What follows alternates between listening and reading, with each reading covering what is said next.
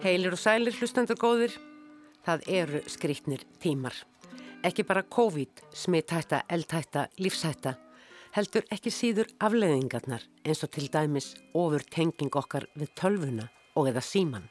Að lífið, samskipti við ættingja og vini, glas á bar, beigur í rektinni, tónleikar, leikús, allt fer þetta núna fram í gegnum skjá. Auðvitað er betra að sjá og heyra á skjá en sjá og heyra alls ekki neitt. Nefna það tengist beint vinnu okkar og heimili. Meira segja bókmyndirnar eins og aðra listgreinar hafa nú gengið í netbjörg til að ná fundum ykkar unnendur, ljóða og sagna. Þannig er verðt að geta þess að öll bókasöfn höfuborgarsvæðisins eru reglulega með streymi með upplestri og samtölum um bókmyndir. Bókamessa bókmyndaborgarina sem undanfarin ár hefur í hörpu laða til sín hundruður síðustu helgin í november senda nú út dagskrá sína í streymi á vef bókmyndaborgarinnar. Þá mæta skáld og reytöfundar reglulega í Hannesarholt og uglust á ýmsa aðra staði og lesa upp fyrir myndavél til þess að þið, unnendur bókmynda, getið að einhverju leiti notið þeirrar góðsinn tíðar sem nú ríkir á vettvangi bókana. Útvarpið heldur auðvitað sínu striki. Hér í þættinum orðum bækur grípum við upp hverja bókinu á fætur annari og gleðjum oss. Í dag eru ljóð í öndvegi. Hingaði leiklistastúdíu útvarsins þar sem er hátt til loft svo vitt til veggja mæta hér rétt á eftir fjögur ljóðskáld með nýjar bækur sínar. Þetta eru þau Dagur Hjartarsson, Einar Már Guðmundsson, Sigrun Björnsdóttir og Sigur Björg Þrastardóttir. Undir lokþáttar segir svo Fríða Ísberg frá bókinni Shaggy Bane, fyrstu bók skotans Douglas Stewart sem fjekk mann búkervelunin 2020 á 50 daginn var.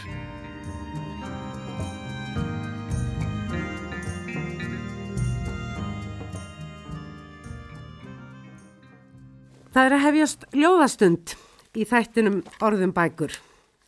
Hér hjá mér í ljóð, hljóðstofu, hljóðstofu sitja nú fjöguljóðskáld sem öll eru nýbúin að senda frá sér bækur, reyndar ekki öll nýjar bækur, Einar Már Guðmundsson sendi til að mynda frá sér þrjár bækur í einni núna fyrir stuttu, en þessar bækur komu allar fyrst út fyrir 40 árum. Er einhver á koronafötum hér inni, sendisveitnin er einmanna og Robinson Crusoe snýr aftur. Og það er ekki einu sinni svo að öll þessi fjögur ljóðskáld sendi í ár frá sér ljóðabók. Því Sigurbjörg Þrastadóttir sendi nýlega frá sér örsagnasapn, Mæður Geimfara. Hið óræða sem er nú það sem kannski heitlar okkur ekki síst við ljóð er þó ekki langt undan í þessum textum Sigurbjörgar svo að mér fannst sem hún ætti sannlega heima á ljóðafundi í þættinum orðum bækur í aðræðandal jóla. Þriði gesturinn er svo Dagur Hjartarsson með nýja bók Fjölskyldu líf á jörðinni og það er óíkjandi ljóðabók sem og bók Sigrunar Björnsdóttur Loftskeiti þótt að mér finnist hún líka eiga eitthvað skilt við gjörning spurning hvort að Sigrún tekur undir það hér á eftir. Hjartalega velkomin öll til jóðafundar með örsögum Einar Már, Dagur, Sigurbjörg og Sigrún Björns. Ég baði ykkur um að velja til upphafs eitt ljóð hvert eigum við að byrja á örsögunni sem að þú valdir Sigurbjörg úr bókþinni Mæður geimfara. Það reyndir ekki til þess að við viljum að geima okkur hana til goða. Mm -hmm. Takk fyrir Jórn.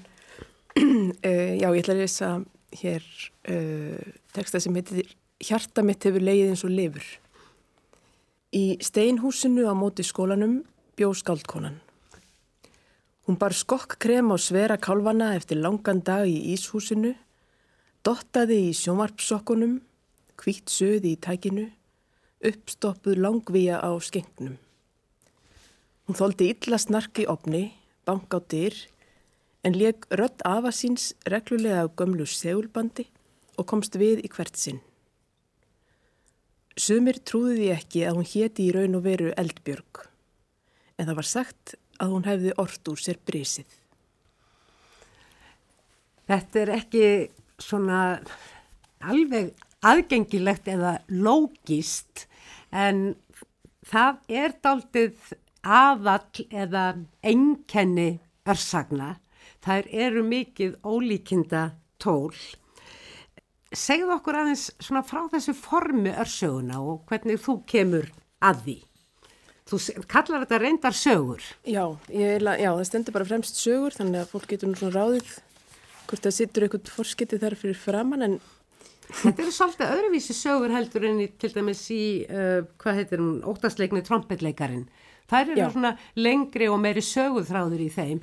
Þetta finnst mér vera algjörður örsögur. Já, það er svona, ég kannski farið aðeins svona unni mig ykkur átt með þetta. Ég reyndar, mér finnst þetta mjög lógist, þannig að ég veit ekki alveg hvað ég að segja við, við þessari yfirlýsingu. En, en hérna, já, þetta eru, semst að, jú, þetta eru sannlega, sko, uh, sögur yfirleitt eru personur, eða semst það er yfirleitt karakter, einhver, einn, jáfnveil fleiri, sem ég svona fylgi, þannig að held ég svona, kannski eftir áhyggja held ég hugsa þetta þannig að ég bara svona taki mér far með einum og einum, svona eins og sporvagni eða... Stekkur inn í tilvægans. Já, stekkur inn í leigubil með einhverjum sko og hérna, eða ringa ekki hvað það er og, og, og svona lýsi því sem að, sem að viðkomandi er að fórst við eða hvernig hún líður hvað hann hefur að segja, hvernig, hver hans svona tótn er í rauninni, svona lífstótn.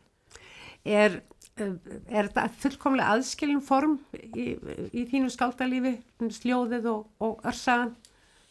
Veistu alltaf hvort einhver hugmynd verður örsaga eða ljóð? Já, svona nokkur megin. Ég held ég að við erum með svona tvær vafa, svona tvö vafa atriði í þessu sem að hefðu geta farið í þessa bók eða hefðu geta farið í ljóðabók. En öðruleiti finnst mér þetta svona frekar skýrt en svo heyri ég það bara lesendum að þeim finnst þetta bara, jáfnvel bara að vera ljóðabóka í mitt. Óttastleikni var lesin af einhverju fólki sem bara ljóðabók og, mm. og ef, að, ef að þeim lesendum finnst það eins og ykkur sagði við mig hérna ég mitt bara hérna fram á gangi, fannst það ganga upp sem slík, mm. þá hef ég ekkert við það aðtúa. Nei, að, hérna, ráðum. Já, þannig að hérna, en það er bara, það er mjög svona aðtiklisvert að fylgjast með viðbröðunum, en, en, en svona þegar ég er að, að, að setja þetta saman, þá finnst mér þetta frekar skýrt. Já. Dagur, ætlaðu þú að vera næstur? Já, ég ætla að lesa ljóð, þriðja ljóðið í bókinni. Þetta er Morgun kyrð að vetri. Pressukannan á eldhúsborðinu síjar myrkrið frá byrtunni. Dóttir mín er að vakna. Hún liggur í rúminu og talar við sjálfa sig. Hálfsofandi er hún tvítingt á ís og drömlensku. Ég lofaði að draga hann á sleðanum í leikskólan. Förin sem við skiljum eftir okkur í snjónum gætu verið fyrstu ljóðlinur dagsins. Já, þú sagði þetta þriðja ljóð bókarinnar og eitt af nokkrum ljóðum, það er eiginlega hver kapli er ekki þrýr, nei, Jú. já, eh, það eru reyndar fjögur ljóð taldi ég, það sem að kaffi og þetta upphafdags kemur við sögu og ljóð, það er æfilega, ljóð er aldrei langt undan, svona umhugsun um það. Eh, þetta þessi tenging upphafdags og ljóð verður til. Þú vaknar með ljóðið. Já, ég held að hérna að, eh, að sko morgnarnir eru langt bestu, það er langt besti tíminn til að yrkja, finnst mér, það fyrir mig og uh, kannski er svona hérna eitt af því sem er svona bakvið þessa bók, ég veit ekki hvað svo mikið að kemur í gegn, er kannski það að vera, vera skáld og einhver sem að vil lega mótnan út af fyrir sig og svo hérna Það er svolítið önnur tilvera núna með börn. Já, og svo eignast maður börn og, og þá það maður einhvern veginn að finna finna eitthvað balans þar og, og ég held að þetta ljóð kannski falli mjög vel í þann flokk sko að vera hérna að vera skáld og reyna að eiga eitthvað að ljóðra hana stund í morgunsári en svo hjálpa börnin manni bara að finna finna ljóðin sko Nákvæmlega, sáum bara sliðaförin Já mm. Þetta er fjórða ljóðabókinn í dagur að það ekki? Og það er eigað allar sammeilegt, það eru látlösar og einlegar en líka mjög ísmeigilegar, það er ekki allar það sem það eru séðar. Og oftast eru það tematíska, það er einhver svona heldar hugsun. Segðu okkur aðeins frá þessu svona þínu, þínu aðkomu að því að gera bók og þið er mikilvægt að það sé svona, finnst gott að hafa tematík, eitthvað til að, eitthvað til að já, fylgja eftir. Já, fyrsta ljóðbókin var uh, svona ástar, ástarljóð svona, samband sem að er að verða til og svo önnur er, eh, heitir heilaskorðagerðin og, og, og það er kannski og fjallar um það, par, það sem mann er aðeins fyrir heilaskorðagerð og svo hérna er þetta fjölskyldulífið. Ég held að, að ég yrki náttúrulega bara eins og hannu skáld eitthvað ljóð kannski og svo sér maður allt í einu maður horfur á bunkan kannski eftir 2-3 ár þá sér maður þræðina og þá fer maður að týna út. Ég hallast að því að að para ljóðin saman eða, eða hópa þeim saman sem að, sem að einhvern veginn fara að mynda uh, saman svona eitthvað aðdráttarafl verða svona eitthvað netti Já, og þá verða oft mörg fín ljóð sem manni þykir vænt um út undan en, en ég, þetta er svona Lenda í annari möppu þá á skjánum. ég á alltaf eftir að gefa út þá bók sko, sem er önnuljóð Já. en, að, hérna, en þetta, ég veit ekki af hverju þetta er kannski styrk og veikleiki náttúrulega bókana, það eru held en kannski Mm. hérna, Já, já, það má alveg segja að sé, það er blúsar og mínusar við hvort tvekja, sko, já, algjörlega. En þetta er orðið mjög algengt finnst mér hjá ljóðskáldum, þau eru gætnan tematísk, það er gætnan þannig að áður sko greipaðu ljóðabók, opnaði einhver staðar og las svona fram og aftur og það kom ekki að sög en núna finnst mér oftar að, að ég bara flett upp á fyrstu plassu og svo er ég bara komin inn í einhverja atbyrðarás sem jafnvel skáldið hafði ekkert endilega ætlast til en, en það, það er einhver þráður sem að ég fylgi eftir. Uh, Sigrún, það er sannlega þráður í þinni bók. Þú stakst upp á tveimur ljóðum til að lesa hér í upphafi úr ljóðabókinni Loftskeiti og hvorum þessara ljóða inni heldur loftskeita tákn eða það er svona stafaraðir sem að hérna eh, sem að einkenna þessa bók og gera hana svona að líka miklu myndverki. Og uh, mér langar til að byrja um að lesa ljóðið sögur. Kannski af því að þessi bók er full af sögum Já, já, þú bjóst ekki við því Nei, allt í leið. Sögur. Vist eru við sögur í mold og myrkri, orð úr vassósa jörð, sögur sem þarf að segja um söng, siglingar og skip, sögur sem byrja í blári móðu, seitla hægt til jarðar, verða að auga og æð, litrikum steinum, við erum sögur sem falla til hafs, rjúka upp og hverfa. sjór, það sem siglir á sjónum, jafnvel það sem siglir í sjónum, það er að segja skip og ísjakar eru meðal þess sem er til umfjöllunar í þessari bók, sem er líka einhvers konar rannsókn, rannsókn á eigin upphafi og leið til eigin afkomenda, afkomenda og líka rannsókn á dölmáli. Getur þú líst þessari ljóðabókðinni, hún er svolítið ólík fyrir bókunðinum uh, og eins og ég segi, hún, mér finnst hún vera einhvers konar gjörningur eða myndverk líka. Já, þú hún er svolítið merki, merkingaleit og svona pæling í hvar mörg merkingar liggja. Um, ég fann sem sagt svona dulkóða í gamla dulkóða frá mér í síðustu öld í fórun hjá Þú pappa. verður nú að leiða mér að taka mynd af þessu Já, gulnaða handriti. Þetta eru fimmstafa kóðar sem voru notaðir í, í samskiptum skipa hérna árum áður. Og pappiði var lofskitamaður. Hann var lofskiptamæður og mér fannst þetta bara svo heillandi orðasafn. Það eru gömul orð eins og neistasending, strömsending, sögnina síma, orð sem hafa horfið út úr málinu og mér fannst þetta bara eins og konfettkassi að þetta ofan í og þetta kveikti margar hugmyndir að ljóðum. Hmm. Svo fannst mér líka gaman að nota þessa kóða bara eins og, eins og ljóðform, að því þeir fara einhvern veginn handan við merkingu eins og ljóð ger oft, þau eru alltaf á okkur mörgum, mörgum merkingar. Þannig að ég prófaði að stilla þeim upp bara sem orðarunum. Er, sagt, þess vegna er þetta svolítið svolítið sett upp sem bara orðarunur inn á milli. Og svo kveiktu sko þessir kóðar bara svona spurningar eins og hafið þér numið háskamerkið. Það kve- kveiktu bara með mér ljóðahugsun sko. Já. Af því við erum náttúrulega alltaf að nefna einhver háskamerki í lífinu sko. Og Já. vámerki og, og rásmerki og hvaða getur verið að merkjum sem að, sem að setja lífið og tilveruna á stað sko. Mm. Þannig að þetta var nú svona... Vík henni til og gefa henni jafnvel nýja stefnu. Já, og svona orð eins og öldu tíðni, það sem ég fannst óskaplega fallegt. Það var líka tilöfna ljóði. Eða svona romsur bara um menn, alls konar menn sem er á sjó Já, hásetti. og allir eiga þeir kóta. Ég ætla að fara að segja búsetti en það er ekki rétt. Já, einmitt. Duglegu maður, barói, var hann skamstafaður sem, og svo framvegis, þannig þetta var bara svona, ég bjóti fullt af svona kóðaljóðum sem að voru eiginlega bara remsur og romsuljóð, sko, og Já. svo, og svo skrifaði ég mér, skrifaði ég upp úr öðrum. Og mér fannst þetta bara að vera orðið svona eins og all góð ljóð ákveðin tilvistapæling. Það náði langt út yfir Sannarlega. þetta hag, hagkvæma tungumál sem það var. Já, akkurat. Mjög svo markvist og gert í ákveðin tilgangi. Einar már, það er komið að gömlum ljóðum. Já, Þú valdir eða stakst upp á fleirum og, og færði að lesa aðeins e, e, fleiri. Þau eru jú svo stutt ljóðin í, í er einhver í koronaföttum hér inni. já. En að- nokkur. Þú ætlar að byrja því að lesa fáin ljóður þeirri bók. Já, ég ætla bara, einmitt það ável við svona upphafsljóði sko, uh, af því að þetta er svona eins og yfirlýsing í upphafi. Væri ég bilað sjónvarp, myndi ég öruglega valda frekar í tröflunum í líf ykkar. Og svo er hérna drauga skilgreiningu. Skyndilega stoppa ég og skoða hlikkjótt spór mín í snjónum. Mér er spurn hvort ég hafi lagt krók á leið mína eins og Evrópukommunistarnir.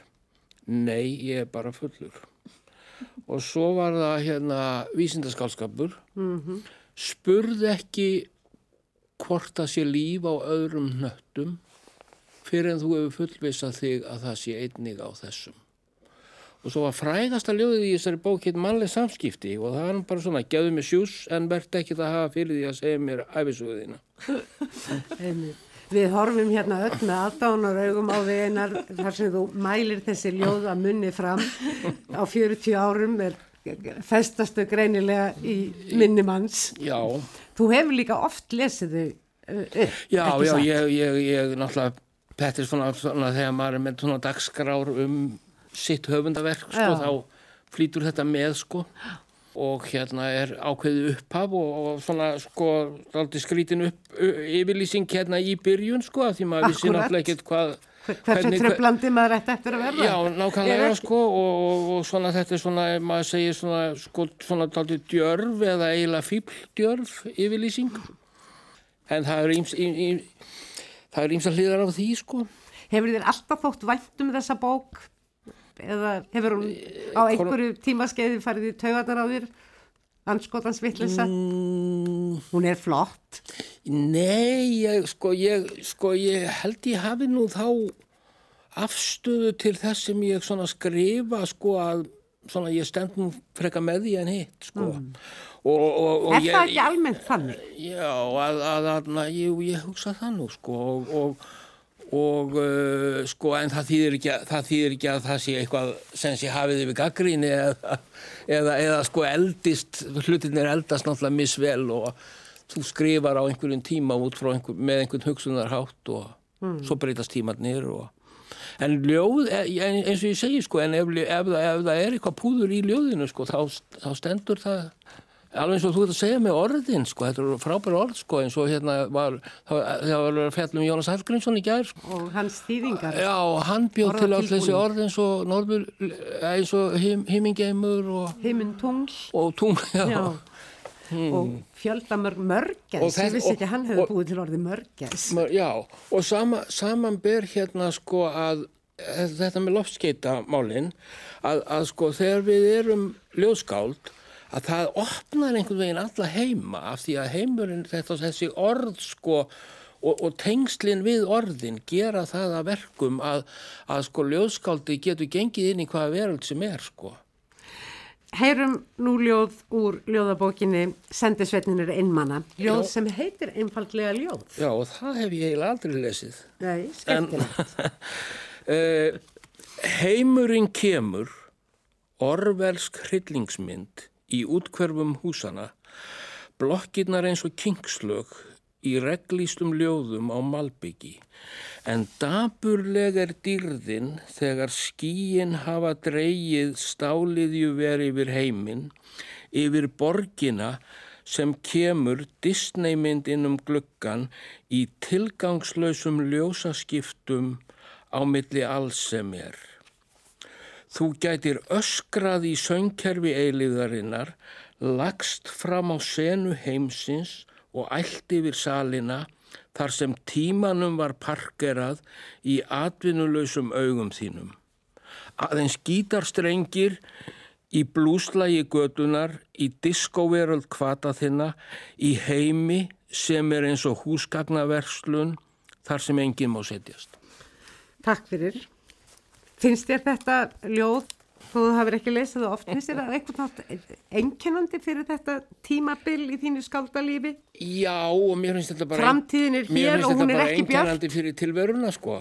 Og, uh, sko, að, að mér finnst ljóðin, ljóð eru alveg sama, sko, hvenar þau eru orð, hvað, hvort sem þau eru svona uh, fallið náttúruljóð eða svona einhver pöngljóð eða, eða hvað að kalla það, að þá er fyrir mér ljóðið alltaf svona leitin að sambandi við heiminn, sko. Og í þessu ljóði var talsverð leit sko að sambandi við heiminn. Og, og, og líka þessi sjálfsagt þetta, þetta, þetta er náttúrulega orð í kringum 1980 þetta er aðna Kalda stríðið í Já, algleymingi, og, þetta er, ég var í, var í köpen og það var óbúslega svona, þetta var þessi tími það voru allir atvinnulausir og Mm. svona rosalega, svona bluesy sko og svo, var, svo kemur einmitt diskóið þarna, diskóveröld kvataðina og allt þetta Mm.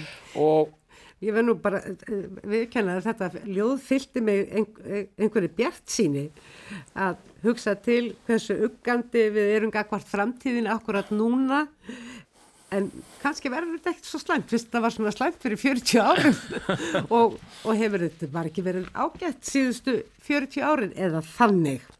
Það getur stundum verið gott að lesa gömul ljóð og rifja upp svona sannindi tímans. Um, það var þetta með ljóðið, ég sett ykkur aðeins fyrir í sambandi við þennan fund. Þið byrjið öll á því að senda frá ykkur ljóð með mismunandi hætti. Einar, þú uh, varst í skýjum Nílsen þýðandiðin er dönsku talar um það sem hóp af, af krökkum, Galleri Suðugata 7 sem að gaf út þínar fyrstu bækur Þú vinnur hérna Verlun Tómasar Guðmundssonar fyrir handrit og þannig kem, kemst þín fyrsta bók á, af stað. Þú ferð hvað ofan að skaga og bara beint á forlega og segir gjör þið svo vel. Með, hvað, ekki hálóa, blá, Blálóaland. blálóaland, nákvæmlega. En Sigrun, þú hefur verið svolítið svona á, á skjön með þína ljóðagerð. Þú varst fréttamaður og, og hefur unni hjá borginni og en, en samt þetta búin að gefa út fjóra ljóðabækur. Hvað er svona mikilvægt, hvernig springur ljóðskáld út? Af hverju verður þið að yrkja? Sigrun. Það. Eh, ég, ég var svo seint svona ung og efnileg, sko. ég, þó ég hef alltaf skrifað ljóð, þá, þá fór ég nú seint að gefa þau út og, og hafði bara seint andrið mér til þess að hugsa og, og helga mér því svolítið. Hmm. Þannig að það er nú kannski... En það er alveg hvað, 2000 og, nei, hvernig kemur fyrsta bókið? Já, getur mér kringum aldamóti. Já, 2002 ef ég maður rétt. Já, þannig að það helgast nú eiginlega mest að því, sko. Og þú gerir þetta þá bara sjálf? Þú, Já, já, ég, hef alltaf gert það. Ég hef stundu lent í einhverju byggstöðu hjá forlagi og svo hef, ég bara þrótið þólimaðin að standa í því, því, því spili og bara gert þetta sjálf og, og hugsa til Jón Tórótsens og flugnana hans og hugsa með mér, það er engin skam að ég gera þetta sjálfur. Engin mingun í því og eiginlega bara meira frelsi oft á tíðum. Að Ég gerir það nú bara með uppreist höfuð Já. og hef gaman að. en þessi bók er gefin út af félagi ekki? Já, ég ger þetta með, með hérna, unga, ungum, feimur ungum skaldkonum. Já. Þú ert, ertu í námi þar ennþá? Já, ég er nú eiginlega að klára. Já. Er þetta kannski lokaverkefnið? Já, allt eins sko. Um, það er búið gott að vera í samfélagi með bæði með ljóðið og, og útgáfuna í kringum ljóð. Þannig að ég er afskaplega þakklátt og ána með að hafa gert þetta svona. Þetta er svona næsti bæri við sjálfsútgáfu að gera þetta í samstarfi við einhvern. Hérna, æ, lestu eitt, eitt ljóð, fyrst þú ert nú... Uh, Hvað viltu heyra? Ég hafði, Pára hérna hjá mér, ég kannski, ég hef, hef meðtekið háskamerki, svo er ég með manifesto og líka ljóðið þú ert hér, sem er svona, minni mig á, á þig eins og ég þekki þig sem að, sem að ert stöðut á arki út í náttúrunni. Ég skal taka háskamerkið hérna. Háskamerki. Gangi voldug skeppnan á land, vaksinn eins og vetrungsnaut, með krippu á baki, hala og klepp. Er ráða slökkvað ljós, svo hann leiti ekki í byrtuna, skröldi stuttfætt upp fjöruna með glóandi maurildi kæfti. Hún gæti læst í því löngum klóm, nagað inn að beini, því enginn þekkir betur brestina, brimið í höfði þínu. Finnir þú stækan þráafnig eru vámerkin augljós. Gagnast þá kvorki egg niður orð til að afstýra ærandi andvöku. Helst að laða bissuna, lambaspörðum og ilmandi gráviði þótt engum sögum fara af því að slík skot hafi felt dýrið. Kærar þakkir. Þannig er sko, heimurinn allur, þið smáa og þið stóra, þið ómögulega og þið fyrir miður líka mögulega. Um, dagur, þú ert, uh, kemur ju fram í, í, í, í þessari bók, fjölskyldu líf á jörðinu, þetta er ekki bara þín litla fjölskylda, þetta er kannski má segja fjölskylda heimsins en þetta er líka þín stórfjölskylda. Það er þarna ljóð aftarlega í bókinni sem heitir Kraftaverk þar sem þú segir svo litla sögu úr benskuðinni sem að tengist uh, ljóða, ljóðagerð. Já. Þú ert uh, svona, þú ert alin upp við mikla sköpun. Hvaðan kemur þitt, þín ljóðasprenging? Kraftaverk er, er sem sagt ljóðabók sem pappiðin gefur út. Já, bókin heit sko ljóskólfin en, en, en já, kraftaverk ljóði fjallar um Já. þetta fyrstu bókina sem að pappi gefur út já, pappi, hann, Hjörti Martinsson hann, hérna bókmentamaður og, og, og, og uh, hefur s- skrifað og gefið út bækur og mamma, hún á nú myndina hérna framan á myndlistakona ég held ég á nú samt alltaf svona kannski ekki eh, mm, ég fekk kannski ekkert eitthvað svona dæmigert menningalegt uppeld í þeim skilningi að ég verið farin yrkja ljóð þegar ég var tíu ára sko. Ég hafði meira áhuga á fótbolta. En, en ég hætti verið náttúrulega grein alltaf búið í mér sko að skrifa og, og ég hef alltaf haft hef og, alltaf og vel við mér ljóði, þetta að svona raða saman orðum og finna einhverja merkingu eða, eða hvað hva, hvað er í því? Ég veit það ekki, ekki hugmynd. Uh, ég, uh, það er bara eitthvað, ég hef ekkert gott gáleitt svar Gott. við þessu sko en, hérna, en, en það er eitthvað náttúrulega uh, kýtlandi við ljóðlist sem að uh, þegar maður er yrkja og, og svona mann finnst maður að komast í tengingu við eitthvað handan eitthvað bara handan og hérna og skinni eitthvað svona heild sko, eða eitthvað ég er, ég er svona gamaldags romantísk skáld og hérna þannig að það er það sem að ljóðlistin gefur mér sko, eitthvað svona uh, friðar eitthvað innra með mér sko. Þannig að En þú ferð uh, líkt og einar már þarna með krokkunum í galleri í Söðugutu 7. Þú átti félaga í ljóðlistinu og, og fórst byrjaði- svona út í svona uh, útgáfu og svona eiginlega gjörningalist með uh, tungl forlag. Já, ég byrjaði nú samt alveg aðleitt sko og hérna bara strákur úr gráinum sko það sem að engi voru yrkja ljóð en svo fer ég í ritlist og kynnist hérna þar fólki sem er að hugsa það sam og ég Ah, og já, við Ragnar Helgi Ólafsson við stopnum þar hérna tunglið forlag. Og uh, og ég tek undir það sem Sigrun að segja það er náttúrulega mjög skemmtilegt að vera í svona félagskap vönu skáld og út af því að þetta er mjög innmannaleg yðja að yrkja sem að mér finnst allt í lagi. Já. en það er líka gaman að bæta annari vitt við þá yðju að hitta fólk og, og hérna halda atburði og, og, og gera eitthvað svona dulafullt og skemmtilegt. Þannig að þannig að já Hvaða ljóð langar þið til að lesa? uh, ég hef ekki hugmynd hvað, Nei. ertu með eitthvað sérstætt Ég, sem að ég haf, haf, hafði reynd að skrifa hér hjá mér, morgun kyrða vetri Já. sem þú tóst frá mér og en svo hefði ég líka skrifað loggdrífa sem er já, svona, það er aldrei kannski svipað það sko, er svolítið svipað, akkurat. en Um, ég get alveg lesið það en samt. nei, uh, Nei, langar ég eitthvað annað. Uh, Fyndi eitthvað. ég finn eitthvað uh, Vítu nú við. Ég skal lesa eitthvað sem er ekki með kaffi kannski Já, kannski, já. Ég að finna þau ljóð Já, um, ég ætla kannski að lesa samt eitt bara svona bernskuljóð er það Já, gjör svo vel. Uh, Hvað meinar, ljóð um benskuna? já, um svona mína bensku, það er ein vittin. Akkurat, Og nákvæmlega. kannski svona þetta hvaðan svona þessa, þessi leit ljóðskáldsins, hvaðan ljóðskáldi kemur. Og það er ljóð sem heitir talmennafræði. Rómverski rittarinn rændi og rupplaði fríminútum einu sinni viku. Tímarnir hjá talmennafræðingnum voru þjálfun í ljóðrætni hugsun.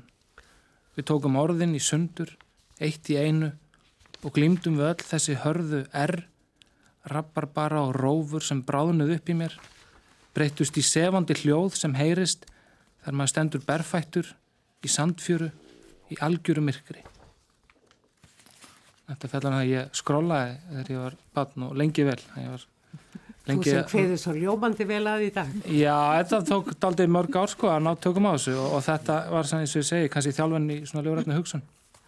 Að hérna, pæli hljóðum og, og orðum. Sigurbjörg, hvernig stekkur skagastelpan inn í ljóðlistina?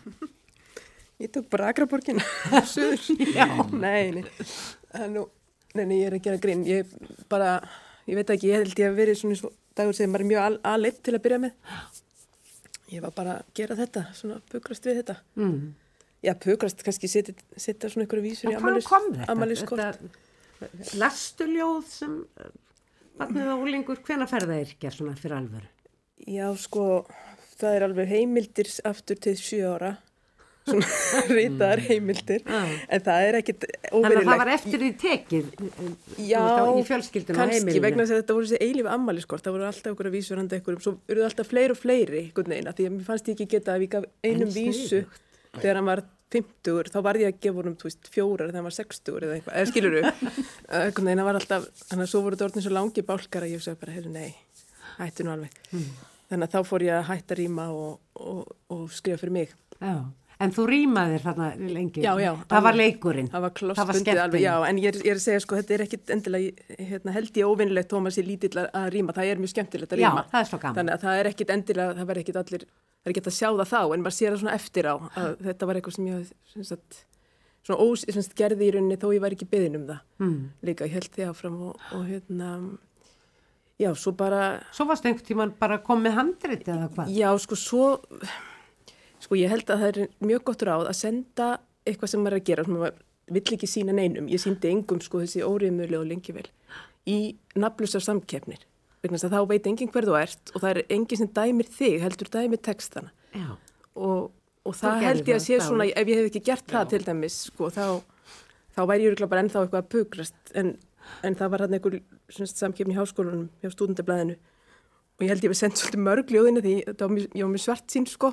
En fekk þrjú af sko tíu sætum sem sagt, þannig að einhvern veginn þá varði ég að gangast við að ég væri að gera þetta. Og, og út frá því þá fór ég að tala við einhverja Já. útgefendur og saðist eiga handrit. En þeir einmitt mentu réttilega á það að það væri frekar svona ó, lítið samingi í því handriti. Þannig að ég gaf ekki út bók fyrir en að ég var komið með eitthvað svona einhverja Já. heildar hugsun í rauninni Þú þóttir mjög, eh, mjög einstakt ljóðskáld þegar þú komst fram að því þú varst svo, svo mikið ólíkindatól. Þú varst svo allt öðruvísi heldur en, heldur en öðru og allt önnur lógik einhvern veginn í ljóðunum allt önnur hugsun og mjög skemmtileg og það kemur ekkert á óvart að þú farir inn í þetta, eh, þetta ólíkinda form örsöguna og líka bara saga, ég man eftir viðtali við þið fyrir margt löngu og uh, að, um einhverja ljóðabók, ég man nú ekki hvaða bók það var, en að þessi bók hefði ekki verið hugmynd sem hefði kviknað, heldur saga sem hefði stækkað. Ég held Já. að það hafi verið blísfarir. Já, ég ætla bara að segja það Já. er, er bara er, er sennilega rétt já, Já. já, hún er eitt bálkur sko. Já, rétt. akkurat. En, en örsögurnar eru eiginlega sko eh, svona ögnablík, það er ekki sögur sem stækka. Nei, það er alveg minga eiginlega bara, já, Já. það er alveg minga nýri, já, það er alveg rétt þannig að þetta er, og í rauninni það er bara sem betur fyrir er maður ekki alltaf að gera alveg það sama þetta er bara heldur öllu lifandi að geta líka bara leikið með veist, máli og formið og, og En allt hvað er sko, upphaf og endir hverjar sögu, það er eiginlega daldið erfitt að tala um örsögur. Það er jafn erfitt að tala um örsögur eins og að tala um brandara, finnst mér. Af því að upplifunin er svo mikið hluti af sögunni þegar þú ert að, að lesa hana Já. og þú kýmir og hlærð eða, eða áar því að það er alltaf, alltaf eitthvað sem kemur á óvart er það það sem ert að skemmta þig við í, í þessum sögum? Já, ég held að ég, vinkona minn sagðist að vera að lesa bókina og hún sagði, var að reyna að lýsa svipnum á dóttusunni sem er fimm ára Já. og þá kom ég ljósum að lesa þetta upphátt fyrir hana. Hún sagði, hún er alltaf jafn undrandi á svipin þegar sagan er búin. Já.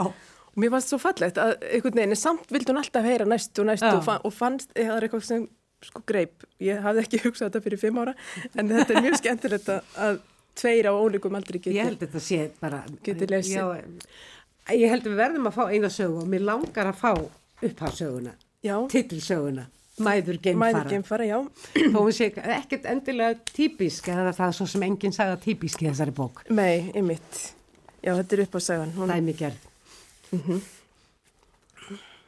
Uh, já, ég bara lesa hana. Ég er ekkert að vera, hafa neitt formála að því. Nei. Mæntalega. Það mega heita sorgleg örlög að fröken Marion Moon sem hétt þessu afgerandi ættanafni allt þar til hún giftist Edvin E. Oldrin eldri og er nú kunn sem móðir annars að fyrstu tunglgöngumönnum veraldar, skildi svifta sér lífi skömmu áður en sonur hennar Böss tók sporið á tunglinu. Ég efast um að það hafi verið vegna yfirvóðandi álags sem tengdist tunglgöngunni þótt sonurinn hafi einhvers staðar haldist líku fram. Fadir fröken Mún grandaði sér nefnilega líka. Og þið sama gildi um fleiri nána ættingja úr Mún fjölskyldinni. Engin skilur úr hvaða óra djúpum eða eiliðar myrkri slík genetísk þingsti spretta. Sumir hafa þó silt nærri uppsprittunni. Eftir alla fyrirhöfnina sem það kostaði að senda flaug með lifandi fólki til tunglsins, að óglimtum nákvæmum útbúnaði til vel hefnarar heimkomu og þrátt fyrir alheims ljóman og fræðar bjarman sem umleg nafn hans í kjölfarið, er haft eftir Edvin E. Oldrin yngri, sem ávalt er kallaður Böss, einnig af sínum eigin geðleikni í óráa ellinar, að geimurinn sé helviti einmannalegur staður. Sko, ég er nú búin að lesa þessu sögu nokkrum sinnum. Mm. Uh, fannst hún strax, uh, heldtók mig strax og þegar ég heyra hana núna lesnað þér, þá, jú, hún er dæmigerð. Það er allt í þessari sögu svona, þessi örsaga. Það er stór mannkinsaga, það er tilvist, uh, það er eitthvað sko, svona smávægilegt og kvundagslegt og, og hún fer alveg í stóra, í þannig risastóra ring sem þess að sögu fara. Þetta er algjörlega stórkostlegt form. Og, og þingdaraflið, þingdin og þingdaraflið, maður fer að hugsa bara um ringrás heimi, heimingeimsins líka, kemtilegt. Einar, mig langar alveg rosalega til þess að heyra hérna eitt uh, ljóð sem að hérna er úr, ég held að sé úr, já, sendisettin snýr aftur. Er ekki að Róbusson Krússon sem snýr aftur. En það er hérna, af því það er svo, það er svo, lýsir svo vel þessum tíma, Já. sósialism í einu herbergi. Já, já, heyrðu, en það er, það er sko, þú talar um sko útgáfu. Ég var náttúrulega daldið lengi að skrifa svona bara sjálfur, Já, já. áður en ég gaf eitthvað út. Og, uh, Og varst þín eigin bókabúð. Já, og, en sko ég, sko, fekk ekki útgefið í byrjun, þannig ég gaf út sjálfur. Hmm. Og, en ég fekk lána nafnið bara hjá vinnum mínum, Ég sko. skil, þannig að Galleri í Suðugata 7 síðan var sko svart á hvítu stopnað upp úr Galleri í Suðugata 7 Nákvæmlega. og þetta voru fyrst og þá var það endurútgáfa af bókunum sko, af því að það er af því, það, af því öllum á óvörum þá urðu þær daldi vinsælar sko. Og hérna sem sé og ég, ég hafði bara gefið þær út sjálfur og, og, og, og, seldi þær sem sé á, á gödunum Hmm. og uh, eftir það var nú síðan gekk nú ágætlega að finna forlag sko. En, um, en það var alveg, alveg það var alveg ævintýra heimur út af fyrir sig að að gera þetta svona sjálfur sko. Og, og hérna En ég skal lesa sosialisma í einu herbyggi. Það, Það- er- það er líka langt sem ég lesi það. Það er bara Þannig að skemmtilegur þetta er gaman. tíðarandi í því. Já, Það er ég sta- staldraði við það. Þetta er Já. ju líka minn tími. þau eru sko, já, þau eru náttúrulega not, sko, í sendisveinum er einmitt aldrei mest svona þessi tilvistar ljóð sko og svo, svo í Robinson Crusoe er daldið á leiðinni þá er maður svolítið á leiðinni inn í eiginlega sögurnar að finna þessa Nákvæmlega. Ég finna einmitt- þessa stráksrödd Já. þannig að og það er einmitt e- eitt af einkenni finnst mér á ljóðum það er daldið leitað rödd og, Já. og, og hérna svona al, almennt séð sko held mér að sé að T.S. Eliot hafi verið saman á því um, býtum nú verið að finna ljóðið Býttu nú skra- Já, hérna er það Sósialismi einu herbyggi Þriðji heimurinn kemur æpandi úr plagötum veggjana Byltingin betrekt herbergi í höfðinu en gættu þín ljósin í gluggunum er ekki mors og stereosándið úr hornunum er aðeins áttavilt hugsund er aðeins áttavilt vitund þín sem liðast eins og setning gegnum þunglinda skáldsögu. Það er satt. Þú situr enn í sófanum. Upplituðu gallabuksunar fara þér alltaf í að bel, enn með hárnir á herðar, haspípurnar hanga upp á vegg og rauðu hugssjónunar fallvaltar í hillunum. Dálítið þreyttur á frösunum, á staðhæfingum þínum sem reynast áallt réttar í einrúmi, á reiksvældu þunglindu fundunum, örlítið þreyttur á sjálfum þér, þryggjabinda útgáfum af atbyrðum og fólkinu sem skilur ekki orð. Þetta er daldið uh, gaman að sjá þessi ljóðans einas og síðan aftur ykkar. Um, Þannig eru á mörguleiti eh, margir vábóðar þó að bækurnar þrjár, þessi bói sem að þær mynda, eins og þú saði sjálfur, að þær enda þessum uh, strákasögum sem að síðan á eftir að verða þríleikurinn vangjæðsláttur í þagrennum og svo framvegis. En ég ætlaði nú að ræða svo margt og meira því að til dæmis merkilega fjölskyldu líf á jörðinni heitir bókin þín dagur og hún fjallar um mikið um loftslagsbreytingar og vá og áhyggjur bara af svona djúbstæðar áhyggjur af því hvar við endum og það gerir þín bók svo sannarlega líka. En tíminn er bara upp urinn hér og það er kannski ágætt að vera ekkit of mikið að tala um heimsendi, halda okkur bara við heimsendan fyrir 40 árum þegar allt var að fara í kalda kól en fór þó ekki. Við verðum náttúrulega bara að standa okkur. Mér finnst þú mjög bjart sín. Já, já, finnst þér eh, of bjart sín. Já, mér finnst þú mjög og bjart sín, já. En það er allt í lagi. Já, einhver verður kannski að vera bjart sín. Já, já. En það þýðir ekki að maður hafi ekki verk að vinna. Súreilistaninn sögðu verður bjart síðan og framkvæmdu þig ómögulega. Það er, það er kannski málið. Einmitt. Sigrún Björnsdóttir með loftskeiti, Sigurbjörg Þrastarsdóttir, Mæður Geimfara, Dagur Hjartarsson, Fjölskyldulíf á jörðinni, Einar Már Guðmundsson er nokkur í koronafötum hér inni, Sendisveitin er einmanna, Róbensson Krús og snýr aftur. Takk ykkur innilega fyrir þetta, þennan ljóða fund, gangi ykkur vel.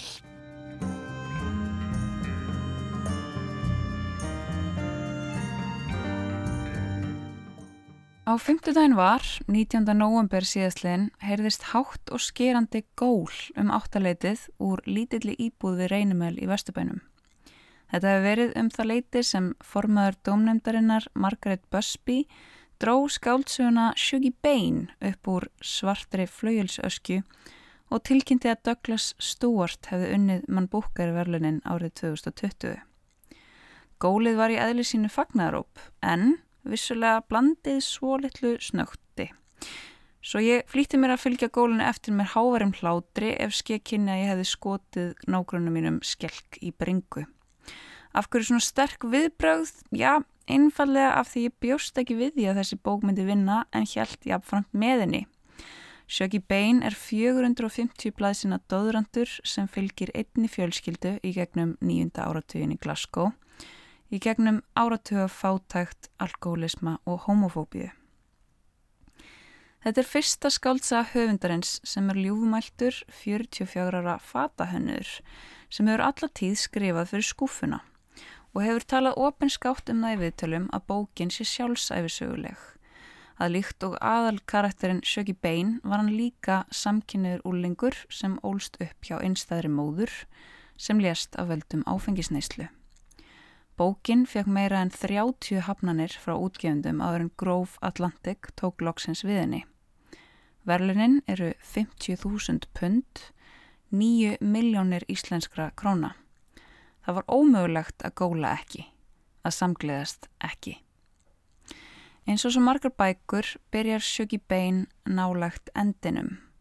Við fáum að glukka inn í árið 1992 þegar 16 ára Sjöki býr einsamall í litlu leiguherbergi í söðurluta Glasgow. Hann verðist vera umkomulaus. Hann gengur ekki í skóla heldur vinnur á kjötborði í matverubúð. Því næst er spóla tilbaka til 1981 og þaðan hefst línuleg frásögn af örlögum beinfjölskyldunar sem spannar allan áratugin. Agnes Bein, móður Sjögi, er fallegasta konan í austurluta Glasgow, æfintýra þyrst og óhamingisum. Hún er tvígift, hún fór frá örugum, góðum, katholskum manni fyrir lúterska leigubílstjóran Sjög Bein eldri, manni sem er líst á eftirfærandi hátt. Hann var alls ekkert ólíumálverk og hegumi hans hefði verið viðbjóslegur ef hann hefði ekki verið svona heitlandi. Hún og Sjögbein eldri búa en á fóaldrum hennar Agnesar á samt þremur börnum. Eldri börnum tvö úr fyrra hjónabandi, Katharin og Lík, eru orðin úlingar en Sjöggi Bein yngri er fimm ára. Lesandin far fljótt að vita að Sjögbein eldri er kynlífsfíkil og ofbeldisfullur. Hann rað heldur fram hjá Agnesi kvöld eftir kvöld og Agnes drekkur til að deyfa sásökan og vonbreiðin. Margaret Thatcher er fórsetisráð þeirra Breitlands og það er efnahagskreppa, þrjár miljónir manns eru án atvinnu, kólaeðinaðurinn er að rinja. Sjögg eldri hefur ákveðið að fara frá Agnesi fyrir aðra konu en hann vill ekki skilja hana eftir í öryggi fóröldra sinna. Hann vill ekki að annar maður geti stíð inn síðar meir, svo hann ætlar að brjóta hana fullkomlega niður. Hann selur henni hugmynd um að byrja upp á nýtt, flytja í sætt útkverfi þar sem hún fengi sína eigin útidirahörð og eigin garð, en flytur svo með fjölskylduna í niður nýtt kólanámu hverfi langt fyrir utan borgina, þar sem allt er svart af kólareiki. Atunlausir námumenn ganga ennþá í vinnugölunum en sitja aðgerralausir á daginn og drekka bætunar frá sér. Beitrar, lúnar og slúðurgernar konur reyna að halda samfélaginu gangandi. Ekkert þessu er sambóðið Agnesi Bein sem er með þráðbeinar falskar postulinstennur, klæði sig eins og Elizabeth Taylor og talar ennsku drottningarinnar. En þrátt fyrir hún líti niður á nágranna konur sínar og verkamanna skoskuna þeirra er hún samt of stolt til að flytja aftur heim til fóreldra sinna þegar sjökk bein yfirgefur fjölskylduna. Drykjan ágerist dag frá degi, einan skams er Agnes sjálf komin á kjærfið og drekkur bætunar sínar frá sér í byrjun hverjar veku. Börnin hennar eru einu aðstandendurnir sem hún á eftir og þau reyna hvað þau geta til að bjargani frá niðurlæðingum fíknisjúkdómsins og þá sérstaklega Sjöggi sem er háðasturinni af börnunum þremur. Nánast um leið og fjölskyldan fleitur í hverfið er Sjöggi hafnað af heinum börnunum. Þau gera grín að yfirstéttar enskunans, vaskreitu hárinu, snirtimennskunni og fínlegum reyfingunum. Hann er uppnefndur sem homatittur áður hann veit hvaða þýðir og þrátt fyrir hann reyni og reyni að haga sér eftir karlmennsku stöðlum verkamannastjættarinnar mistekst honum aftur og aftur. Hann langar í grunninn bara að leika með stelpudót og greiða hárið á mömmu sinni. Allavega, þú ert orðin nógu gamal. Það er komin tími til að þú reynir að falla meira í hópin. Þú verður að reyna að vera meira eins og hinir krakkanir. Sjöggi snýri höfðinu og stundi upp. Lík, ég er að reyna. Ég reyni og reyni.